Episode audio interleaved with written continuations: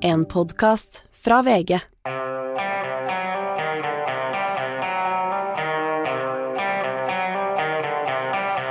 Hvordan har den ennå ganske nye regjeringa klart å falle så raskt i popularitet, og bør vi menn begynne å kle oss i kjortler? Det her er Gjæver-gjengen på selveste 1. juli. For nå er det sommer, det er varmt om natten, Liv har tatt på seg den hvite hatten, og det er 20 graders vann på katten. Tok du den referansen, vår gjest Dagfinn Nordbø? Ja ja, det er Jahn Teigen. Det er helt feil. Jeg har på følelsen at du visste hvem det var. Ja. Det er Lillebjørn Nitsen, selvfølgelig. Eh, vi har altså med oss eh, gjest i dag i eh, Dagfinn Nordbø. eh, Mangeårig skribent her i VG. Du tidligere jobba i VG, har du ikke det? Faktisk i reklameavdelingen i 86. Ja, og eh, forfatter, satiriker, eh, musiker, og så er- liker jeg å kalle deg for humorteoretiker. Uh, ja. Og praksis.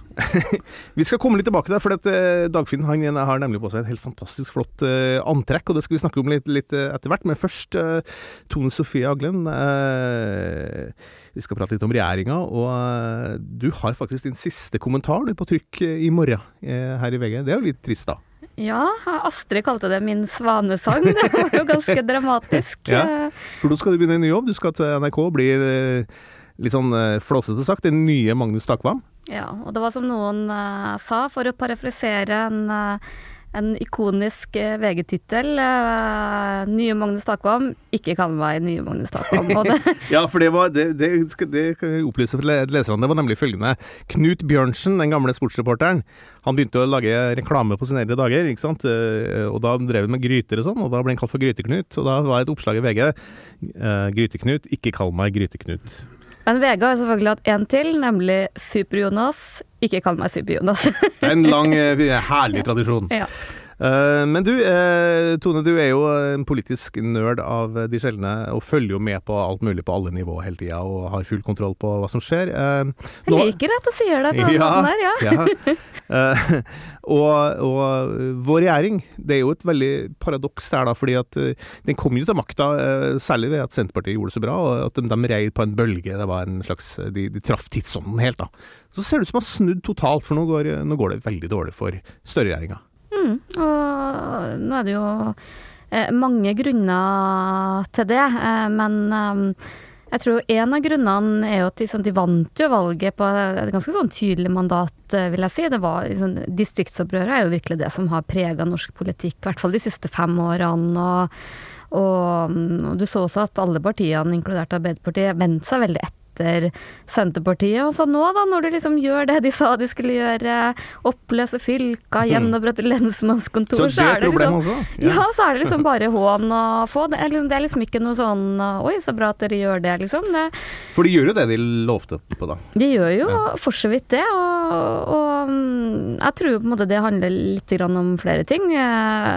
Eh, For det første så tror jeg liksom det at eh, Senterpartiet var et veldig viktig korrektiv til eh, særlig Erna Solbergs regjering, som hadde ganske mange sentraliserende reformer. Men så er det jo også litt sånn, ting går jo gjerne litt sånn syklisk i politikken, og man føler liksom nå har det vært mye sentralisering og gått veldig mye den veien. Så, så blir det gjerne liksom motreaksjon som Senterpartiet var, og det var jo ikke heller bare i politikken, også i media ble det jo veldig fokus på nå, må gjenopp eh, finne distriktene og finne stemmer og, og sånn. Så jeg tror nok at mye av den korrigeringa som Senterpartiet sto for, den tror jeg liksom fant liksom litt sånn sted uh, allerede før valget. Så vi så jo det før stortingsvalget, at, at det ebba sånn sakte, men sikkert ut. Og det tror jeg fordi både politikk og oppmerksomheten var korrigert. Og så tror jeg altså det ligger liksom litt i, i vår natur, da, at uh, ok, det er forandringer, vi kan være skeptiske til det, men når, når de først er inntruffet, uh, så, så tror jeg egentlig de færreste vil tilbake. Om det er gamle kommuner eller uh, gamle skoler som er nedlagt, eller hva det er. Og jeg Mm. tror det er litt, litt det som uh, regjeringa sliter litt med nå. Jeg, jeg mistenker at de ikke helt klarer liksom, å kalibrere dette kompasset sitt til Mm. eh, en litt sånn ny virkelighet. Det er jo det er veldig rart det her med sånne, sånne vinder ikke sant, sånn som blåser da. ikke sant? Eh, For øvrig, Dagfinn Nordbø, husker du en som sang om veien fra høyre snart skal snu? Eh, det var jo en Halvdan Syversen. Det var det, riktig. Helt riktig. Eh, så, eh, eh, men det er også sammen med moter og, og, og ting som på en måte er inn i, i eh, Eller tidsånden, da, som det også Zeitgeist, som de sa på tysk. Eh, hvordan skjer det her? Hvorfor, hvorfor endres det sånn? Nei, det ser du på de fleste måter. Ofte kommer det tilbake i en litt annerledes form. Det er ikke bare det å hente de gamle klærne, de har jo endra seg litt. Men i politikken, jeg tror veldig på det der at det handler litt om å sånn gjenopprette en balanse. Når du har hatt mange år med høyrepolitikk, marked og sånne ting, så tror jeg du får en litt sånn korrigering i det at uh, da er litt mer tilbake, men er det liksom mange år med stat og styring, da ønsker folk mer frihet. Det ligger litt sånn i politikkens natur. Jeg tror også det at, at det er noe sunt med det. At når folk har styrt lenge, så får du uh, behov for å lufte ut litt. Du trenger nye tanker, nye måter å ja, og, og gjør det på. Liksom, I hvert fall når du liksom tar liksom noen skritt tilbake og betrakter politikken, så ser du det veldig tydelig hvordan Og nå har det jo liksom lenge vært liksom Senterpartiet hadde det uh, momentet i politikken veldig mange tok etter, ikke minst Arbeiderpartiet. Og det, det som er så fascinerende å se fra Arbeiderpartiet nå, da, som liksom ble veldig liksom det nye distriktspartiet igjen fant det. De sliter jo nå så til de grader i de store byene. Vi skal, vi skal snakke litt mer om det. Men, det, eh, men Dagfinn, du meldte deg her. Du, her har du en ja, sterk ja, mening på gang. Faktisk, altså Senterpartiet eh, Jeg kunne snakket lenge om det, jeg skal ikke gjøre det. Men én ting jeg lurer på hvorfor ingen protesterer mot, er jo da New Public Management. Hvem er det egentlig som sier noe Du, vi bør se på det. Hvorfor skal en lege holde på med rapportering 23 timer og se pasienten én time? Altså en del sånne uh, grunnleggende ting syns jeg hadde vært veldig interessant å, å, høre hva regjeringen sier. Men de nevner jo aldri noe som helst om det. Det er litt vanskelig ord, det, Tone? ikke det? NPM. Ja, det var veldig mye mine sånn lærebøker i statsvitenskap for uh, litt for mange år siden. Og Hvis man leser Klassekampen, så ser du det er masse om ja, New Public Management. Mm. Uh, så det, det, er litt sånn vanskelig å kommunisere, kanskje, men det er jo, det er jo et poeng. Altså, det, det, det, handler jo om at du, man har behov for å justere kurs. da. Mm. Uh, jeg husker jeg, Da jeg begynte som ung journalist for 20 år siden, så, så traff jeg en lokalpolitiker fra SV i Oslo. Og så Da var det valgkamp, og det var litt sånn Nå må de vinne valget, men så sa han ja, det viktigste er jo at så sa han til meg da, Det viktigste er jo at uh, vi skifter på, på makta. At noen ganger sitter mm. dem på makta, så noen ganger kommer vi til makta. Uh, og det, det, tenkte jeg var en sånn dyp innsikt i hvordan, politi hvordan politikken fungerer. Altså, ikke sant? Det er viktigheten med å rullere makta. Mm. Storbyene, eh, Tone. Arbeiderpartiet sliter jo helt fundamentalt. altså Det kommer meningsmålinger for Bergen, og den er på 16 der, der de har makta også. Mm, det er jo litt krise, det der. Ja, og så hadde de Kristiansand, da, hvor de virkelig sliter med den uh, reverseringa si. 15% på meningsmåling forrige uke. Oslo hadde Raymond Johansen, som er en veldig markant byrådsleder, 17 ikke sant. Eh, der får de ikke noe drahjelp av Senterpartiet. Og det kan jo liksom virke som at nå liksom Arbeiderpartiet prøvd så hardt å tette det der distriktshullet sitt, og så bare tyter det ut der. og og det kan jo liksom framstå da, som at det er liksom et sånn håpløst prosjekt. Gjør man det man liksom tror man skal gjøre? Men jeg tror som politiker så må du liksom hele tida justere litt på den mm. kursen. Og der opp, er jeg litt sånn usikker på om uh, den nye regjeringa helt har uh, antennene sine helt på plass nå, da. For det, det ligner litt på Du skriver også om det om Danmark da, mm. i din kommentar. Ja. Der har du litt av samme effekten. altså At eh, sosialdemokratiet la seg veldig på en sånn distriktsvennlig eh, linje der. Og så plutselig så mista de eh, momentumet, særlig i København. da. Og, og, Mette Fredriksen har slitt med litt det samme, som, men ligger jo likevel litt høyere opp enn det, det Støre gjør da, på målingene. Men, men, hva må Arbeiderpartiet gjøre nå? da? Må de lage en, må, må det nå komme en slags storbypolitikk? Da? For det er jo knapt nevnt i Hurdalsplattformen. Ja. ja, og det var jo også veldig påfallende. Tror jeg husker jeg leste plattformen, så var det liksom tre steder eller noe sånt, de store byene. Og det var en om overvannsproblematikk, og det var en om hvor mye forferdelige sosiale problemer det var i de store byene, liksom. Så nei, eh, Danmark er jo veldig interessant, eh, som vi begge er opptatt av å følge med på Hans Petter. Og Mette Fredriksen ble jo liksom en sånn derre litt sånn ikon for både Senterpartiet og Arbeiderpartiet med 'Nå er det Arnes tur', som de kopierte til 'Nå er det vanlige folks tur'. Mm. Eh, og etter det veldig valgnederlaget i storbyene, så har de jo sosialdemokratene der justert kursen veldig. Nå er det liksom mye mer EU-vennlig, det er grønt, det er klima, det er um, veldig snudd, da. Så er det jo fascinerende at det er alltid noen som sitter og plukker opp restene. Så nå er det jo hun Inger Støyberg, som tidligere venstrepolitiker, som uh, Listhaugs tvilling. Ja, ja, ja. ja. Det, uh, hadde jo også den riksrettssaken uh, mot seg, men veldig populær da, blant folk. Hun har jo akkurat stifta et nytt parti i forrige uke som heter Danmarksdemokratene. Ja. Og det hun snakker om, det er jo liksom den der eh, nå er det vanlige folk i provinsen sin tur mot eh, salongliberalerne i, i København som bare snakker om identitetspolitikk, ikke sant. Så det er jo Det virker jo som det går i bølger, at er liksom, når, når noen forlater det, så er det noen andre som plukker opp det. Det er en evig pendulum som svinger Ja, fram og tilbake der. Det er fascinerende. er Ja, når vi kan Det se det litt på avstand. Ikke sant, og Det er aldri, blir aldri kjedelig. Uansett hvor lite konflikt du har, så så blir det aldri kjedelig for det. fordi det er liksom, det, og, og spesielt morsomt, syns jeg, i hvert fall, det syns du òg, er jo å sammenligne eh, politiske situasjoner i Norge med nabolagene våre. For det, det ligner, men det er også ganske ulikt på en, ganske mange områder. altså. Ja, og Danmark er jo altså, mye mer potent òg, ikke sant. Med den lavere sperregrensa og, og et, også et litt sånn hardere ordskifte, tror jeg, gjør at Og så er det utrolig mange parti. Ja, og, men det gjør jo også at du mye lettere får protestbevegelser som kommer opp, og, og nå spår det jo at Inger Støybergs nye parti kan liksom bli den nye Kan gjøre det kjempebra, ikke sant, og så kan forsvinne ut igjen. Så det, det er litt gøy. Også når du ser det på avstand, så har du ikke alle detaljene som vi har om norsk politikk, som gjør at det ser litt mer sånn tabloid og enkelt ut, da. Er veldig bra. Litt på avstand. Jeg må bare beskjemme meg, si, for jeg, jeg svikta min, eh, min oppvekstby her. Jeg, jeg vokste Det skulle opp i- du aldri gjort. Nei, fordi jeg vokste opp i, eh, i Steinkjer, eh, i Nord-Trøndelag, gamle Nord-Trøndelag. Og der har det nettopp vært festival. En fantastisk festival, faktisk, som heter for Steinkjerfestivalen. Og der var det en, en der, Altså, du beskriver jo dingen eh, det, Eller det du holdt på å skrive nå, at det var ganske rørende. En ganske sånn flott og feiende avslutning på hele den, den festivalen, som også foregikk i veldig fint vær, så vidt jeg forstår. Mm, ja, det var, det var en fantastisk helg, Hans Petter. Og du har eh, virkelig gått glipp av eh, mye. Eh, komme tilbake til Nord-Trøndelag eh, for en, eh, en ganske fuktig og solrik helg, det anbefaler jeg alle. Men eh, det var egentlig ikke poenget. Altså, noe av det jeg ofte blir Jeg blir ofte plassert i sånn bås om at du er distriktsstemme, du er Nå har du plutselig blitt storby. Jeg har aldri vært noe glad i det derre at man liksom er enten det ene eller det andre, men det var veldig spesielt på Steinkjerfestivalen etter uh, skytinga i Oslo, som selvfølgelig prega alle. Snakka liksom med redaktøren i Steinkjer-avisa som var litt sånn hvordan i all verden skal vi liksom dekke liksom, Her er en folkefest, folk har det gøy. Samtidig så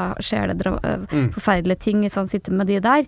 Og så så du liksom i sosiale medier, så jeg liksom alle vennene mine i Oslo og sånn var og på pride-markeringer i sånn stort alvor, liksom roser, tårer.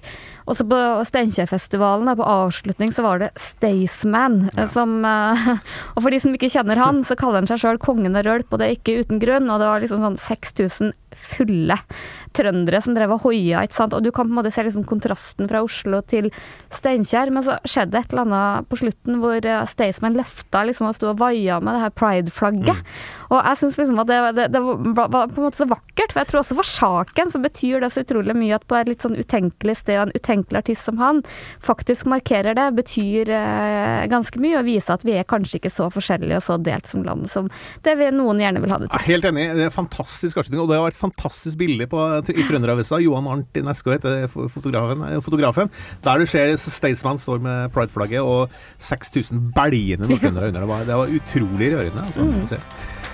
Da skal vi eh, tilbake til deg igjen, eh, Dagfinn. For vi snakka om i starten at du var, så, du var så fin å se på. For du har en, en du, er iført en, hva skal, en kjortel, vil jeg si, da, på norsk. Det er kjortel. Ja. Ja. Den er veldig fin, og du, du Jeg tenkte å spørre deg, hva skjedde egentlig i Sharm el Sheikh for mange år siden? Det var jo denne revolusjonsforsøket eh, som jeg ville ned og inspisere. Jeg har tenkt meg til Kairo. Jeg har en venn, eh, veldig god venn der også, Mona El Tahawi, som jeg kunne tenkt meg å besøke. Og eh, dro nå jeg dit, og så fikk vi ikke lov å dra til Kairo fordi det var eh, Det var for farlig? eller? det var for farlig. Så, så da gikk jeg og kjøpte meg ti kjortler, og siden har jeg aldri sett meg tilbake. For øvrig så har jeg en til deg her. Den er i gull. Du kommer, du kommer ikke til å nekte. Altså dette her da er med, med et med kinesisk mønster. Jeg skal ta også renge den ut. Sånn. Den passer garantert til deg. Vi har litt sånn pyktisk form vi to, sånn at det passer. Den, er, den er nesten enda finere enn den jeg har. da. Men jeg har 30-40 stykker. Du er 30-40 kjortler? Ja, ja. Neste år på Steinkjerfestivalen, Hans Petter, må Du gå rundt med den. Du får den ikke. Du, du, men jeg forlanger, du må ta et bilde av den. Du skal først slippe å ta deg i. Vi skal ta bilde av det etterpå. Eh, og det lover jeg alle lytterne. Vi skal ta et flott bilde av Dagfinn Nordbø og Hans Petter Sjøli i eh, kjortler. Det skal vi det, love. Veldig bra. Ja. eh, men hvorfor, Også det ble et ikonisk bilde, vil jeg Det blir det. Og vi skal også ja, veive med Hvis vi finner et flagg, så skal vi gjøre det. Men, men Dagfinn, hvorfor er det kontroversielt å gå rundt med sånne? Som, som herre? Altså, Nå kom jeg ut av skapet i sommer eh, med dette. Jeg har, hatt, jeg har vært i klesskapet hele tiden. Jeg har, gått, jeg har gått med dette her helt siden Egypt, rett og slett. Og så har jeg slitt dem ut, gitt bort øh, en del, slitt dem ut, fått, og så har jeg fått sydd meg nye. Så jeg var i Thailand, og da fikk jeg sydd meg en 10-20-30 stykker. Portugal har laget i ull, sånn at det- med applikasjoner og sånt òg. Sånn at Men jeg går vanligvis ikke med det på gata. Og det har det er jeg kommet ut av skapet med nå, og det er jo de interessante reaksjoner man får da. Ja, for det, Du skrev en kronikk i VG da, Ja. eh, sist helg, som jo drukna litt i det sørgelige som skjedde. Jo, jo. Men, men, men, men uansett, jeg syns det var fascinerende, fordi, fordi reaksjonsmønstrene rundt omkring i byen er jo litt forskjellige. Veldig forskjellige. Altså du, på, I øst så får du en helt annen type reaksjon enn i vest. Det er klart, det er risky. Jeg bor jo på Skillebekk, det er jo tjukkeste vest. Uh, og det er et hyggelig sted å bo der, men det er jo rett og slett eh, veldig vestkantkultur. Veldig vaffeljakkekultur. Veldig sånn der eh, halvlang uh, kubus-shorts eh, fra april til november. Veldig sånn, Folk er veldig A4. Ikke sant? Bortsett fra meg som da er A2. Det er litt større formatet. Men altså ja, du får mye rare blikk, og du blir mobbet, og du, det er masse sånne ting som skjer. Men på østkanten er det litt mer eh, Ja, men herregud, ja. det er jo diversitet på østkanten. Det er jo veldig lite av på østkanten. Men der, der, der blir du ropt eh, Der føler du deg hjemme, da. ikke sant? Fordi det er jo, det er jo ikke noe tvil om at det her er jo et, det er jo et, det er jo et, et, et, klesplagg som jo er veldig vanlig i Midtøsten. Ja, altså Saken er at folk lurer på hvem jeg er. Eh, Og I Egypt så var det sånn når jeg gikk med den så, Who are you? Det var sånn, De sto inne i gettoen og har ingenting å gjøre og bare Who are you? Fordi jeg er white guy, ikke sant? Og gå med denne. Så, men du, du får jo de merkeligste greier etter deg, altså. Men er ikke det det, som- det her som kalles for kulturell appropriasjon? Nei, jeg vil heller si at det er uh, Hva skal man si? Kulturell appropriasjon. Det er jo alle de som går med bukser. Hvorfor det? Du snur på det da? Hvorfor det? Jo, fordi bukser, det du har på deg der nå, Ja, ja. det er ikke bra for menn. Altså, Om sommeren nå, i dag får vi 30 grader. Det er det verste du kan gå i, er jeans. ikke sant? Du svetter, det er trangt, det er ubehagelig. Eh, ikke sant? Og Derfor så mener jeg, hvis vi skal kalle det kulturell appropriasjon at noen går med en Gandora, det er fullstendig feil. Det, det er rett og slett bare det beste plagget. Det er gå naked, bare at du er ikke naked. Ja, det, Nå fikk jeg noe, noe sånne syn på mitt indre her som kanskje ja. Nei, du må ikke ta bilder av hodet. Nei, men du har jo, du har jo for så vidt rett. Altså, det er jo, det da er vi over en annen debatt også, som er veldig heftig for tida. er jo Hvorvidt det er lov å gå med shorts på jobb, f.eks. Ja. Christian Torkelsen, vår produsent, han sitter jo her i shorts. Jeg måtte jo bemerke det da jeg kom i dag. Til og med han som er redaktør i hipsterblacka D2. Eh, måtte jo, han sto jo fram her og sa at han gikk i shorts på jobb i, i går, da. Så det, det er jo det glir ut litt der òg. Men jeg skal få tatt bilder av menn i Gandora, rett og slett. I hvert fall ti stykker. Jeg regner med at du stiller opp. sånn at eh, jeg Altså, Shorts på jobb, det er veldig sånn eh, Næringslivet er konservativt. Det er i, i stort sett altså Hvis det er et sånn arkitekturfirma som sier at de er kule, så er det jo ikke det. Altså, De alle er veldig, veldig A4. Og i næringslivet, f.eks. i reklamebransjen, så var det ingen som hadde lea på et øyelokk om du kom i bikini på jobben. Ikke sant? Fordi man, du har et behov for å være åpen. Og du har et behov for rett og slett ja, gjøre hva du vil. Ta deg den frihet. Og det mener jeg man bør gjøre. Salut. Shazia, eh, Majid. Eh, ja, det ser ganske flott ut eh, med Dagfinn her nå. Jeg syns det er innmari kult ja, at Dagfinn gjør eh, kjortler great again i Oslo. Fordi at vi har jo hatt kjortler i Oslo siden 1971, sånn cirka da pakistanerne kom. Men Mm.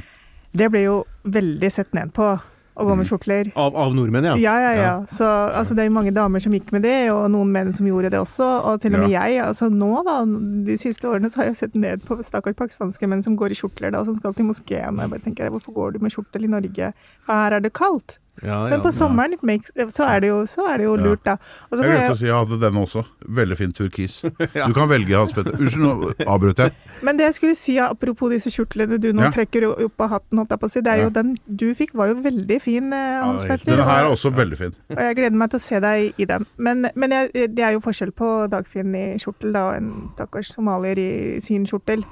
Jeg tror vi klart. behandler det folk Det er annerledes. fordi at når du gjør det, så er det jo ganske kult. Da, selv om det kanskje ikke er kult på vestkanten, Mm. så er det jo Vi i Norge er jo veldig tolerante og inkluderende. Det kommer veldig an på kjønnet.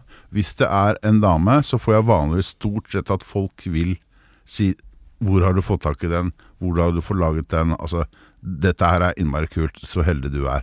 Eh, Hvor kan jeg få tak i sånn? Men det er kvinnene.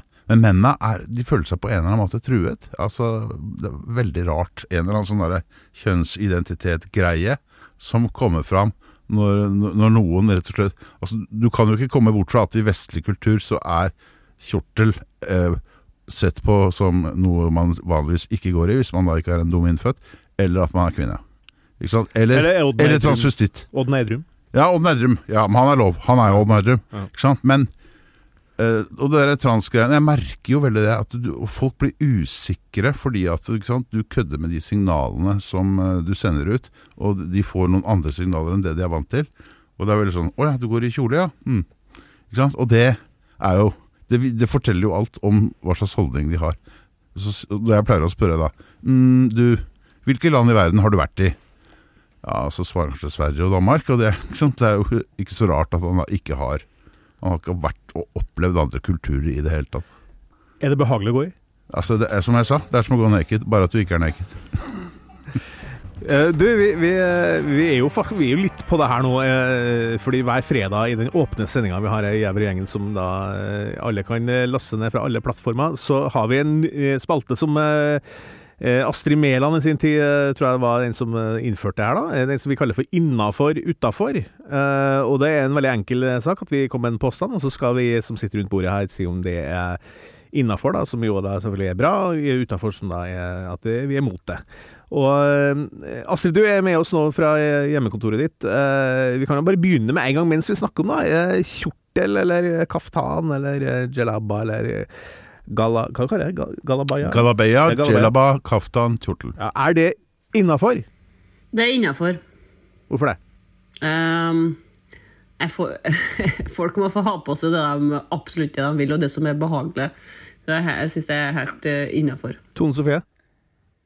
Ja, det, det er jo innafor. Jeg bor jo på østkanten, så jeg er jo vant til det synet. Men eh, hvis jeg skal være ærlig, da, det bør man kanskje være på sin aller siste dag på jobb, så, så jeg er litt usikker på om jeg ville snudd meg etter en mann på gata, med, eller snudd meg og kanskje kikka, men um, hadde spørsmålet vært hot or not, så hadde jeg vel kanskje havna på, en, på et annet svar.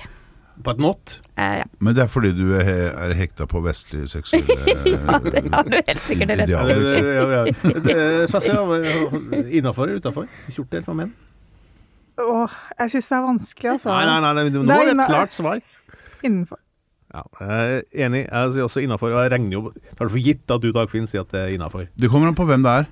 Ja, er Jeg ville jo ikke hatt Sylvi Lysthaug i en kjortel, men da ville alle sagt å ja, hun har jo bare kjole, hun er jo en dame. ja, men nå snakker vi om menn. Ja, men altså Carl I. Hagen. Ja, altså hvis, altså, Det hadde vært veldig kult å klare å kle opp Støre eller Vedum eller noe sånt nå, i en, så, en sånn Og jeg skal skaffe masse bilder eh, av forskjellige og så få lagt ut. Jeg klarer ikke å dy meg for å tenke på hva vår kjære tegner Roar Hagen, som for øvrig har tegna Jonas Gahr Støre med sånn kjortel, Ja. ville ha svart på det her. Han har jo store problemer med menn med shorts, shorts ja, ja, på jobb, og jeg lurer på hva han oh, har tenkt. Eller jeg er- lurer han han egentlig ikke veldig på hva han ville ha tenkt. Han er visuelt følsom. Som han sier. Ja. Jeg er veldig veldig glad for at Roar ikke er her nå. Eh, Du, Vi går til neste påstand. Eh, eller neste påstand, neste, neste sak, da. Uh, Innafor og utafor. Altså. Eh, det er snakk om at det kan bli pilotstreik i eh, SAS. Eh, det ble litt utsatt, fordi det var en eh, frist forrige dagen her, men det ble litt utsatt. Eh, jeg skal sjøl på ferie til Middelhavet snart, eh, og er redd for det. Men er det innafor å streike midt på sommeren to år etter to år med pandemi, Tone Sofie? I flybransjen. Det er jo innafor streikeretten, men usedvanlig uklokt for omdømme og alt mulig, tenker jeg da. Shazia? Jeg mener det er innenfor, fordi at det er for arbeidernes rettigheter. Men jeg mener jo at SAS har gjort en dårlig jobb, da. Og fikk, fik, få fiksa det før sommermånedene. Dagfinn, hva mener du? De fiksa flyteknikerne, gjorde de ikke det? Jo. Jo, Det ble, nei, da kom staten inn. tvungen. Ja, ja, ja, det var tvungen ja. lønnsnevnd. Nei, men altså, herregud. Jeg, jeg syns en pilot bør ha åtte millioner i uka i lønn. Så kjør på. Men ok. Eh, Astrid, eh, innafor utafor med flystreik midt på sommeren? Utafor! Ja, det er bra. Nå vil vi motstemme her. Selvfølgelig fullstendig utafor. Nå skal jeg på, på flyet på, på søndag og sitter og svetter og lurer på om det går. og eh, Hva var det las at eh, pilotene har Hvor mye var de har i lønn? da? Var det en million eller noe sånt? Det I uka. En, I uka, ja. ja. Det kan godt hende. Det er jo en gruppe som har gått eh, Ja, kraftig ned. pluss taxfree hver dag. I SAS særlig så har de hatt noen vanvittige ordninger helt fra SAS har monopol i gamle dager, og de fikk tre dager gratishotell med familien i på Thailand mens de venter på neste fly. og sånn, Så de har vært godt vant. Og så er det jo nå sånn at de er nødt til å spare, så forhandlingene handler jo egentlig om hvor mye de skal gå ned i lønn. For SAS kan jo rett og slett gå konkurs, altså. Så, men da, da handler det ikke om sommeren, det handler rett og slett om, om SAS som selskap. Du eh, mener det her eh, blir feil, da? Det handler om sommeren, ja. Jeg var bare usaklig. Jeg vil bare at flyet skal gå. Ja, helt enig. Jeg skal, eh, som jeg har sagt før her på podkasten, skal til, på ferie om eh, halvannen uke. Og jeg er veldig enig med deg, Sassi. Jeg er veldig for streikeretten, veldig for fagbevegelsen, fagbevegelsen, fagbevegelsen. Men eh, akkurat nå så syns jeg det er litt kjipt, ja. Må innrømme det. Eh, neste sak. Det ikoniske Tryvannstårnet, husker jeg fra NRK-plakaten i gamle dager, skal selges til private, og Christian Ringnes har meldt sin interesse. Er det riktig av staten, eller og, ja, av staten å selge det tårnet? Er det Oslo kommune? Jeg er litt usikker. Uh, ja, jeg veit ikke, men de må jo bare la det skje et eller annet der. Jeg syns restaurant er en god idé, sånn som det er i Berlin. Nå går jo den i Berlin rundt, da. Det gjør vel ikke tårnet Men Christian Ringnes er en mann som får det til å gå rundt. hvis Han, han får det til å gå rundt, og han får, det- får, til, han får til det han gjør. Selv om jeg har ikke noe sans for den der nakenparken han, han har der oppe. på Ekeberg. Du må legge- få på de kjortler. Ja, det var akkurat det du tok ordene ut av munnen på meg. Tone Sofie? Vet du, Jeg må med skam melde det. Har aldri vært oppe her i Tryvannstårnet. Det får bli sommerens prosjekt. Men det er ikke bare i Berlin dere har et tårn som går Nei, rundt med restaurant. Det har vi i Trondheim òg, med Egon. Og det er, den, en er den Tryvannstatuen, Går den rundt? Eh, Tyholttårnet. Nei. Tryggvason-statuen. mener jeg. Nei, den går ikke rundt, men Tyholttårnet går rundt. rundt. Og der er det en Egon-restaurant man sikkert kan mene litt av hvert om. Barnevennlig og fint er det, så ja. Er ikke det gøy? Astrid, hva mener du om uh, Tryvannstårnet? Fullstendig innafor. Jeg var oppe der for noen år siden, og det er jo stengt. Det var jo tatt imot besøk der tidligere, men så ble det så utdatert bygningsteknisk, hva det nå er for noe problem med heisene. Så de bruker masse masse penger for de skal åpne det igjen. da, hvis de skal åpne det. Så det må jo noen andre betale, ikke eh, Oslo kommune. Så de må bare få solgt det så fort som mulig. Hvis han Christian Ringnes kan, kan lage noe der, så er jo det kjempegøy. Han har sikkert en idé om å bygge en slags eh, en gondolbane eller et eller annet fra Helt sentrum opp dit via Holmenkollbakken. Ja. Via Ekebergåsen. Sasa, du er jo uh, Oslo-jente. Eh, Jeg vet ikke om du har noe forhold til Tryvannstårnet, egentlig? Jeg har ikke noe nært forhold til Tryvannstårnet, og, og i tillegg så er jeg mot uh, for mye privatisering av uh, statlige ikoner. Men jeg er veldig glad i Kvinneparken. Så hvis Christian Ringnes får den, så skal han få lov til å kjøpe den. Så derfor så er det innenfor. Og det, det var ikke et oppspark til debatt om Kvinneparken. Nei, er absolutt ikke. Vi går til neste påstand, eh, eller neste sak. Eh, MDG-byråd i Oslo. Siren Stav hun vil forby privat bruk av eh, fyrverkeri. På, på, at lokale myndighetene skal forby det. Og si da altså at fyrverkeri er helt klart et utdatert fenomen. Innafor eller utafor? Innenfor. Hvorfor det? Jo, fordi fyrverkeri er noe helvetes dritt. Eh, jeg må si at jeg bor et sted hvor det er fryktelig mye fyrverkeri. Og det er hver eneste gang en eller annen riking eh, skal gjøre et eller annet nede på i bryggeområdet, opp med fyrverkeriet. Jeg har sett bikkjer løpe og løpe inn i skauen og daue. Altså, det er et sløseri med penger. Du kan ha det langt, langt, langt ute i havet der, så kan vi se på det i statlig regi, men privat fyrverkeri i det hele tatt. Fordi de skal feire noen milliarder. Jeg syns det er vemmelig. Astrid, Beklager. Astrid, der du sitter litt mer ruralt til akkurat nå. Eh, hvordan er synet på fyrverkeri der? Eh, Det er liberalt, Hans Petter. Der, her koser vi oss med fyrverkeri. eh, Og trenger ikke å være redd for å skyte på naboen, for det er så langt mellom folk. Men jeg må bare si at jeg syns det er innafor likevel. Jeg er enig med Dagfinn. Jeg har vært på Grünerløkka, i Birkelund der på nyttårsaften. Det er jo livsfarlig når folk står Ja, der og ja. skyter fra hofta. Det er bare helt forferdelig. Og på bygda er det enda verre. Tone, hvor, hvor står du i fyrverkeristriden? Dessverre står jeg innafor. Her er, har jeg en sånn indre motsetning, fordi jeg vil jo egentlig være liberal mot forbud og sånn, men altså, fyrverkeri er en uting. Jeg er redd det sjøl. Dyr og fugler blir redd og dør og hva vet jeg, så jeg er ikke noe begeistra for det. Shazia? Innenfor. Uh, Norge er jo på, på mange måter et unntak. Det er jo ikke veldig vanlig at vanlige folk kan få lov til å skyte opp eh, fyrverkeri. og For mange år siden så fikk vi jo fyr, et sånt rakett inn i mm, barnevogna til eh, sønnen min. Heldigvis hadde vi pledd foran, så den kom ikke helt Ja. Nei, helt innenfor. Ja, her var vi helt enstemmige. Jeg er også veldig mot fyrverkeri. Alltid vært det. Jeg syns det har alltid vært skummelt. Jeg vokste opp på trønderfester der folk fyrte opp fyrverkeri.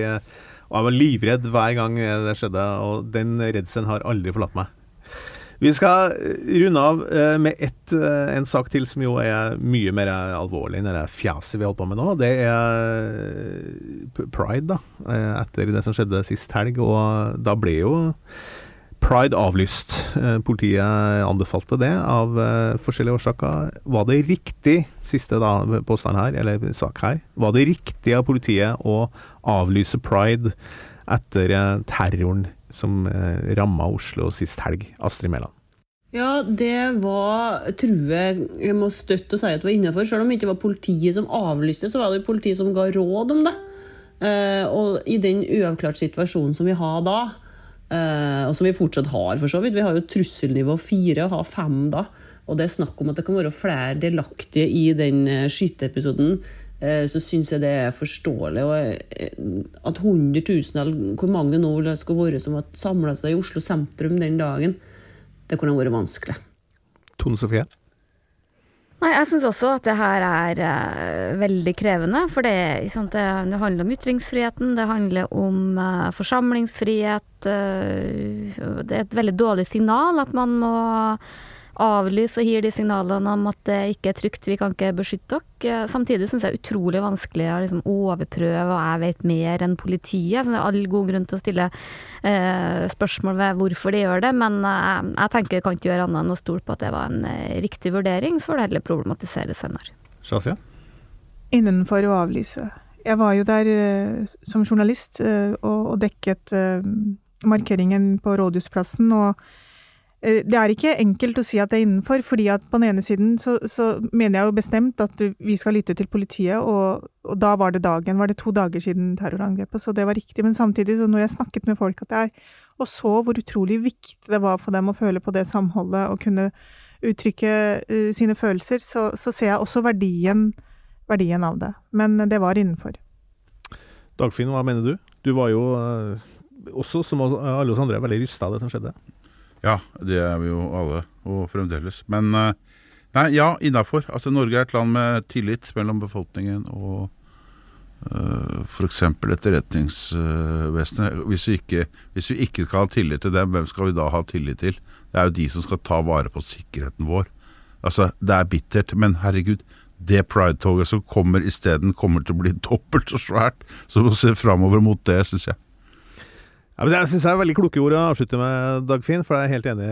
Vi, det er veldig viktig å opprettholde tilliten i tillitssamfunnet Norge. Hvis det begynner å rakne, så vet vi hvordan det går i dag. Vi har jo sett i mange andre land. Så eh, det var nok riktig sånn som situasjonen var akkurat da. Men uh, fremover da skal det feires både med pride og masse annet rart. Oh, yes. Men ikke fyrverkeri. Men ikke fyrverkeri. Det er vi enige om. Det er vi enige om. Vi, med det så tror jeg vi skal rett og slett eh, runde av uh, første juli-sendinga av Jæver og gjengen. Eh, bare si, Tone, at det er veldig trist å ha deg At det blir siste dagen din. da. Ja. Ja, det er, det er veldig trist. Men, Men, men, når det er sagt, så, du, så er du velkommen tilbake når som helst. Og komme til Jæver og gjengen og komme med noen analyser om eh, norsk politikk, og dansk politikk kanskje. Ja, jeg er veldig mottakelig for en invitasjon. Den vil komme helt sikkert. Uansett, eh, vi runder av her nå. I studio Shazia Majid, Tone Sofie Aglen. Eh, mitt navn er Hans Petter Sjøli, og gjesten har vært eh, Dagfinn Nordbø. Takk for det, Dagfinn. Mange takk for selv. Med fra Link Astrid Mæland, som også skal lede Gjevergjengen neste uke. Og Vår produsent denne uka har vært Kristian Torkesen. Har gjort en utmerket jobb, sjøl om han sitter med shorts. Eh, stilte med shorts Han må få en kjortel. Han skal også få en kjortel. Ja. Nå skal vi opp på taket og ta bilder og feire at det er helg. Vi eh, høres eh, igjen neste uke. Ha det godt. Du har hørt en podkast fra VG. Ansvarlig redaktør, Gard Steiro.